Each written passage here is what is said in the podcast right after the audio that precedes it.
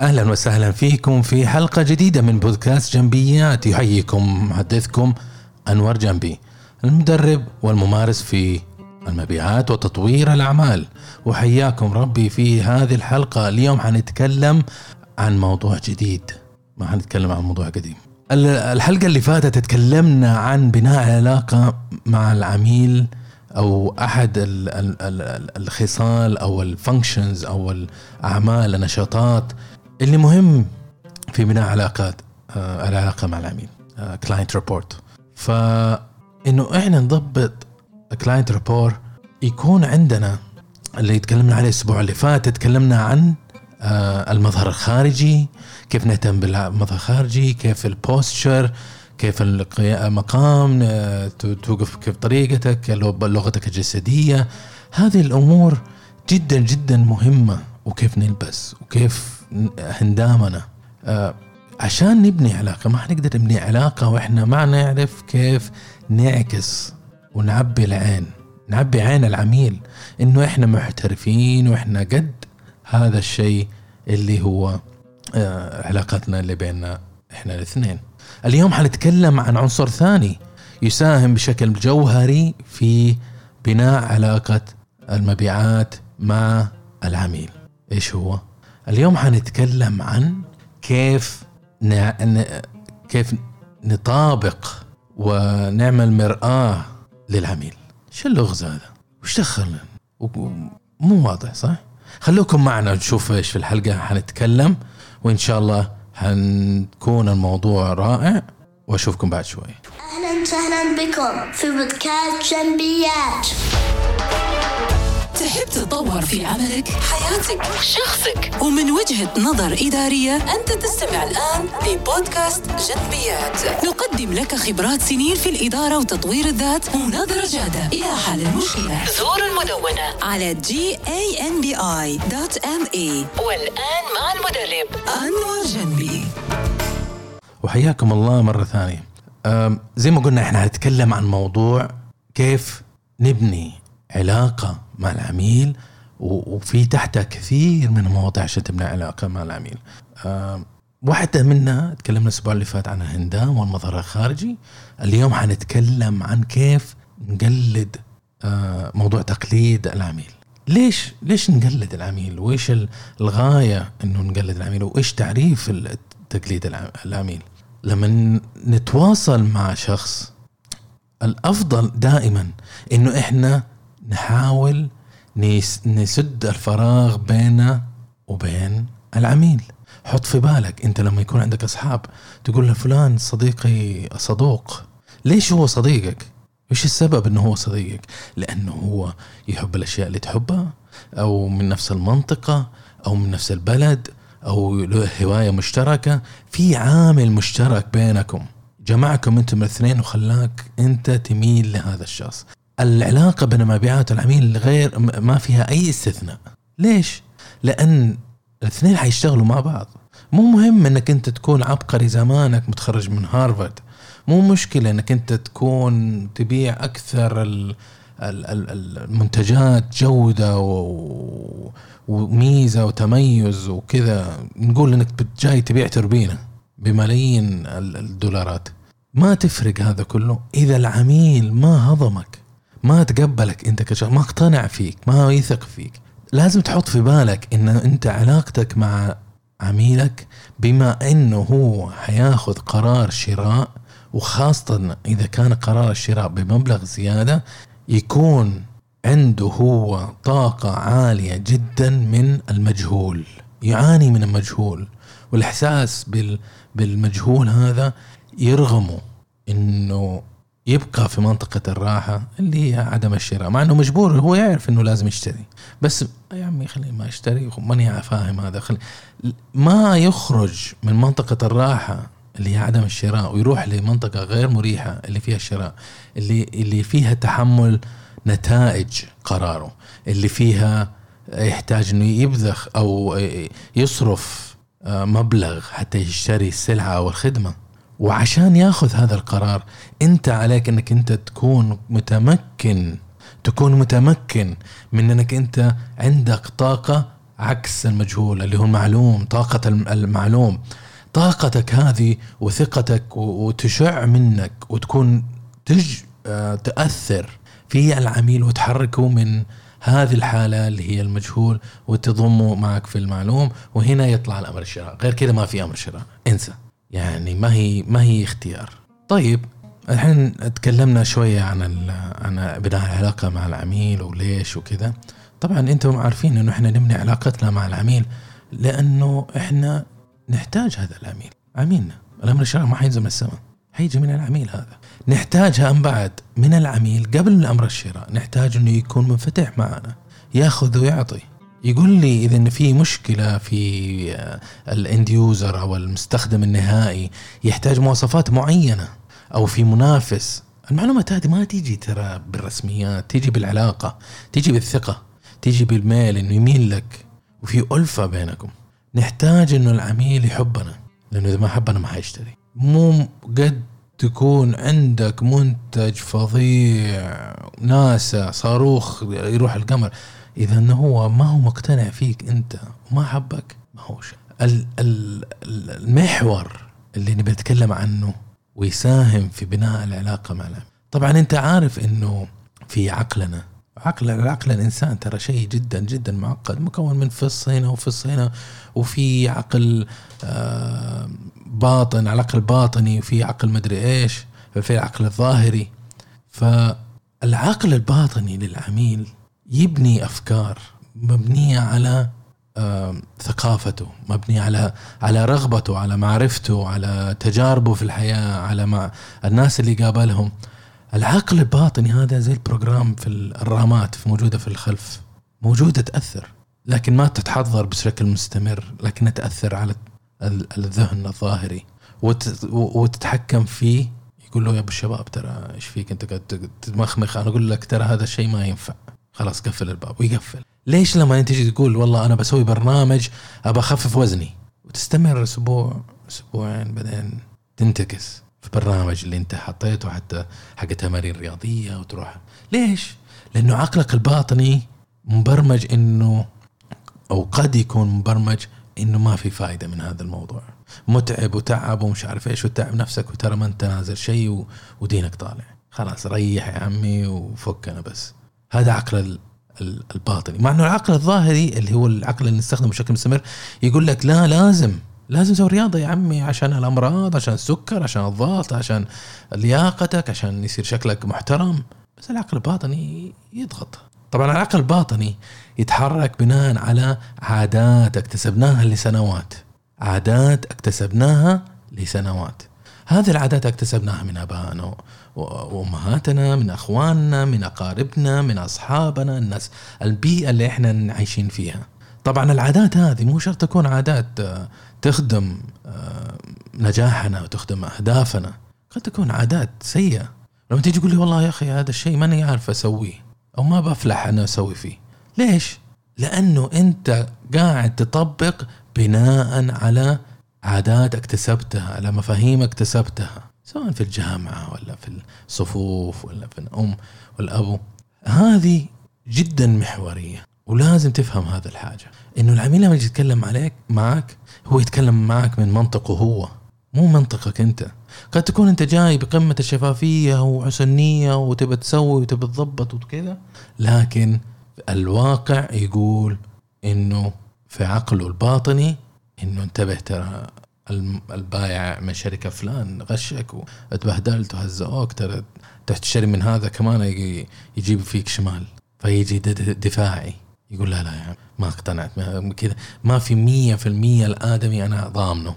يروح يطلع زي هذاك أقعد أكل لي تهزيء مرة ثانية. أو يتأخر المشروع وأتهزأ. طيب لو جينا عملنا شيفت جير الآن في في, في نقاشنا واللي نتكلم عليه زي ما قلنا إحنا هنتكلم اليوم عن كيف نعمل مرآة للعميل العقل الباطني لل- للعميل آه، ما غير مدرك ترى لأشياء كثير لكن ممكن أنت تحفز يا ممثل مبيعات ممكن تحفز ذهن العميل إنه يروح بالاتجاه الصحيح عرفت كيف؟ ممكن إنك أنت تأخذ آه، فكرة من آه، من من شيء درسته وتحاول تقنع فيها تقنع فيها العميل بحيث إنه تأثر على تفكيره وعلى مفهومه وتخليه يروح بالاتجاه اللي أنت تحتاجه اللي هو اغلاق الصفحة الصفقة وأمر الشراء. طيب لما أنت تجلس تجلس معه وهو جالس بطريقة معينة وانت جالس بطريقة مختلفة العقل الباطني ما هو شايف إنه في تقارب.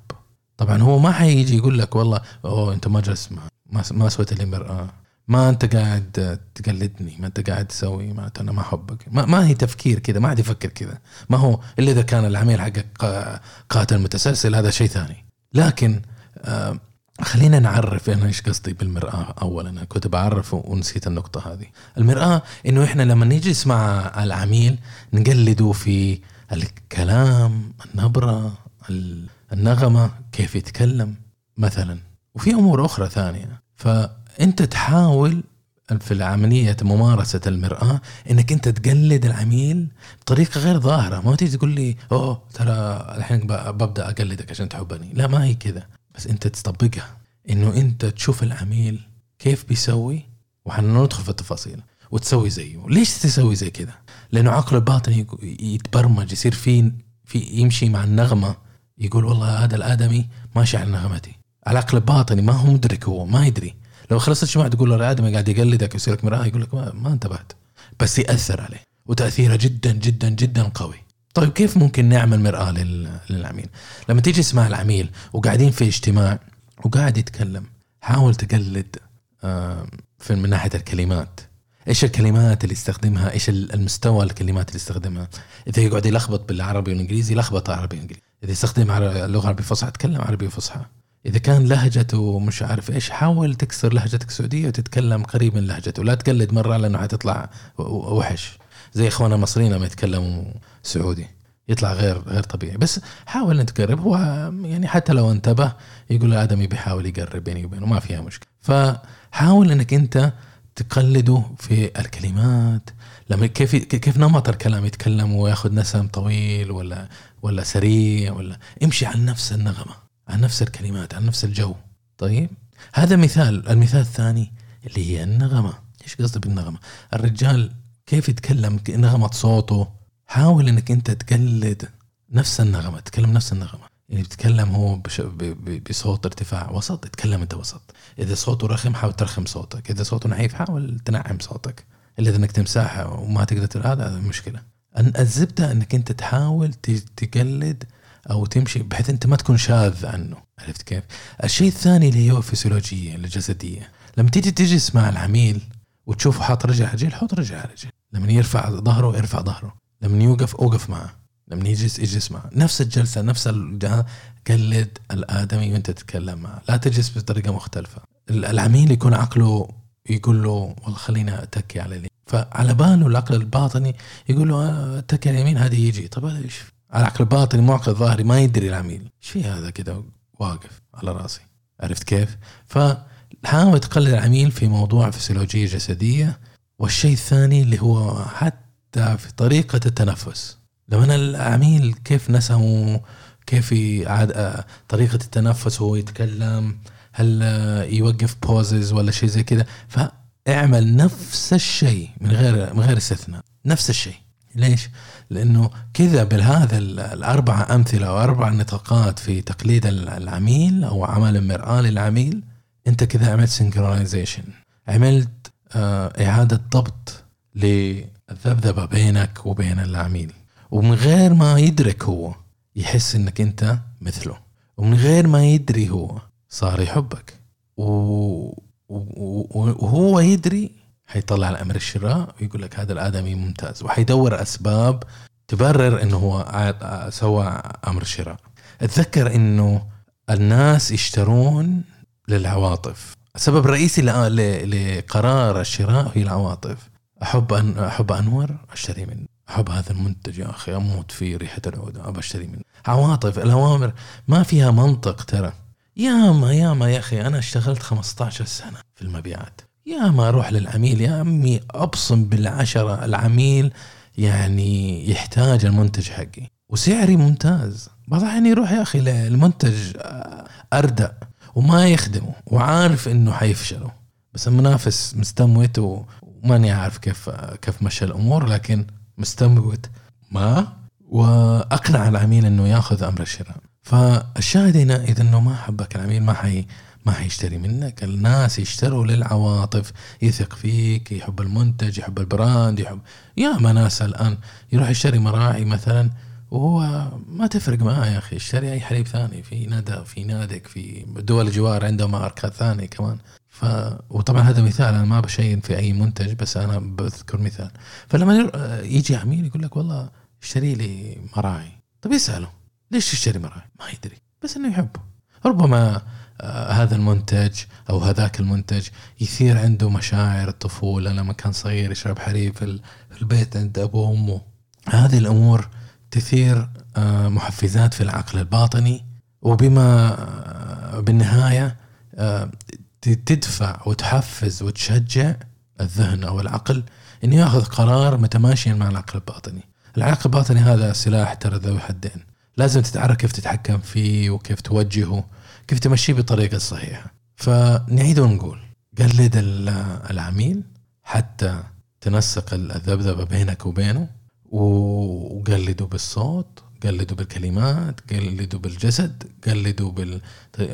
بالطريقة التنفس لازم إنك أنت تتعلم هذه الأمور وتمارسها وتتمكن بحيث إنك أنت ما تحس بأنه في شيء غلط وأنت تمارسها. الحقيقة أنا قريت هذه المعلومات آه، قبل سنوات يعني. في مقالة جاتني على الإيميل فكيتها و... وقريتها وقلت يا أخي إيش إيش الخنبقه هذه؟ إيش اللي اقلدنا موسوس؟ العميل لو صادني يا أخي فشيلة. لا لا لا ماني مسوي. جلست بعدها بعد المقالة هذه يمكن بسنة سنتين كنت يعني في أحد المنظمات وجاني مورد. يعني كنت ما كنت ماسك ذيك الأيام التسويق ال marketing. فجاني مورد يورد لي مطبوعات أو عنده يوريني demos عشان يوريني كيف المطبوعات تكون وكذا. فهذا ال ال ال الإنسان اللي يمثل منظمته وجاي يقدم خدماته ومنتجاته. نجد إنه آه وجدت إنه يعني قاعد نتكلم ونسوي حوار والحوار جدا جميل يعني مو طبيعي وهات هذا وأنا أبغى هذا وهذا اللون هذا وهذا brand وهذا اللوجو وحط هذا وقاعد نتناقش. أثناء الحوار كل ما ميلت التكيت دقة حطيت رجع رجل حط رجل طبعا هنا ذكرت المقالة والرجال قاعد يطبق معي. وقبل ما ادرك أنا أصلا المقالة انتبهت لهذا الشيء يا أخي حسيت إنه آدمي تمام. بعدين تذكرت المقالة. قلت يخرب عقلها ترى يا جماعة الخير المبيعات علم نفس تتفاجئوا قد إيش المبيعات علم نفس المبيعات ما هي process فقط. في الأساس هي علم نفس كيف تحفز وتأثر المبيعات ترى مؤثرين. هذا دورهم الرئيسي هم مؤثرين. شفت المؤثرين حق ال social media؟ هذا مؤثرين. مؤثرين على العميل بحيث يوجهوه وينوروه ويثقفوه ويوجهوه حتى يوصل لبر الأمان. ف المبيعات زي ما قلنا في الأساس هي علم نفس ولازم نتمرس في هذه المناحي والنواحي بشكل مستمر. عشان لما أنت تمارس المهارات اللي نشاركها سواء كان هندام سواء طريقة كلام سواء كان بوستشر سواء كان آه، طريقة تحدث سواء كان طريقة لبس سواء كان آه، نعمل مرآة للعميل لازم تكون أنت متدرب عليها بشكل مستمر بحيث يعني اعملها خطوات لا تسوي full throttle أنا أوه بسوي مرآة خذ لك زاوية واحدة قلده في شيء واحد. شوف إيش يصير. عشان إذا سويت كل حاجة ممكن تخبص المواضيع وتصير آه، تصير مشكلة كبيرة. فإذا ركزت على العميل وتأكدت إنك أنت حتعمل إعادة برمجة أنت يا مبيعات مؤثر. أثر على عميلك طبعا لازم تحط في البال دائما ابدا الأخلاقيات. لا تأثر على العميل وتبيع له شيء خايس. توشو. لا تستخدم أي أدوات إقناع. أصلا لا تعرض على العميل إذا عارف إنه إنه المنتج غير صالح للعميل. تسوي البيعه اليوم ترى بس بكرة ما هي ما حيشتري منك. حركه كرت المنظمة وكرتك أنت. فلازم تراعي هذه المواضيع وتشوف وتحرك القرار آه، أو العميل يتحرك بين البروسيس من مرحلة إلى مرحلة مرحلة إلى مرحلة وتحاول تأكد الإغلاق وأنت تتناقش معه حتى توصل إلى مرحلة أمر الشراء والإغلاق. وهنا انت اتميت آه، دورك الرئيسي مو دورك الوحيد دورك الرئيسي في المبيعات. يعطيكم العافية وهذا اللي كان عندنا نتحدث عنه اليوم. كان حديث خفيف لطيف لكن مهم. وصراحة ما حبيت أثقل عليكم في في هذا الموضوع. خلينا كذا خفافي إذا كان عندكم أي تساؤلات أو ما كنت واضح أعتذر منكم. وراسلونا على ال social media على ال LinkedIn والتليجرام والإنستغرام. تواصل معنا واسأل ارسل السؤال. وعلى فكرة أشكر الأخوان والأخوات اللي يتواصلوا معايا اللي جاي عشان استشارة اللي جاي يسأل عن موضوع معين اللي يسأل عن دورة تدريبية اللي يسأل عن الخطة الشخصية. الأسبوع هذا كان جدا رائع يا أخي على قلبي زي العسل. فأتواصل معي كثيرين ويسألوا عن مواضيع متنوعة. أدعوكم أنكم تعملوا المثل. أنا موجود يا أخي. إذا مشغول حقول لكم مشغول وحنجدول على الموعد النقاش في في وقت يناسبني ويناسبك. فلا تشيل هم الإزعاج وتشيل هم هذا الشغلات. بالعكس تواصل معايا. آه عندك ال LinkedIn عندك الإنستغرام نعمل آه نقدر نظبط لنا اجتماع على Zoom أو آه Google Meet ونتم الموضوع وإن شاء الله فيها الفائده فشرفونا بالتواصل أو إذا عندكم اقتراح تواصل معنا. إذا إنك حابب تستضاف على حلقة جنبيات حلقة من الحلقات كلمني. إذا كنت تشتغل متخصص أو عندك موضوع في بالك في المبيعات تطوير الأعمال عن ال marketing آه، كنا نتكلم إحنا في الزمانات عن, عن الإدارة بس آه، سوينا لها phase out ركزنا على التسويق وعلى المبيعات وتطوير الأعمال بشكل كبير لأنه هذا التوجه اللي اللي البودكاست رايح في اتجاهه. فتواصلوا معايا. أرسلوا سؤال أسئلتكم اقتراحاتكم. آه، روح المدونة في عندنا قسم سويت إعادة ترتيب للموقع. إذا عندكم أنتم أي آه، خدمات طلب خدمات من خصوص الاستشارات أو في المجال التدريب سواء كنتوا آه، شركات أو منظمات أو كنتوا أفراد. تواصلوا معنا ادخل على المدونة جامبي دوت إم إي وروح قسم الخدمات شوف الخدمات اللي أنا أعطيها إيش الدورات اللي أعطيها. وقدم آه، أرسل لي مراسله في في نموذج هناك عبيه وأرسل لي اياه حتصل أتواصل معك ونعمل لقاء إن شاء الله بحيث إنه نجيب على تساؤلاتك ونجيب على رغبتك أو الموضوع اللي تحابب الاستشارة فيه. أما الآن يعطيكم العافية وأشكركم على استماعكم وأتمنى الحلقة نالت على رضاكم. أه ماني حابب أنهي الحلقة لكن الآن أقول لكم مع السلامة ويعطيكم العافية وفي أمان الله.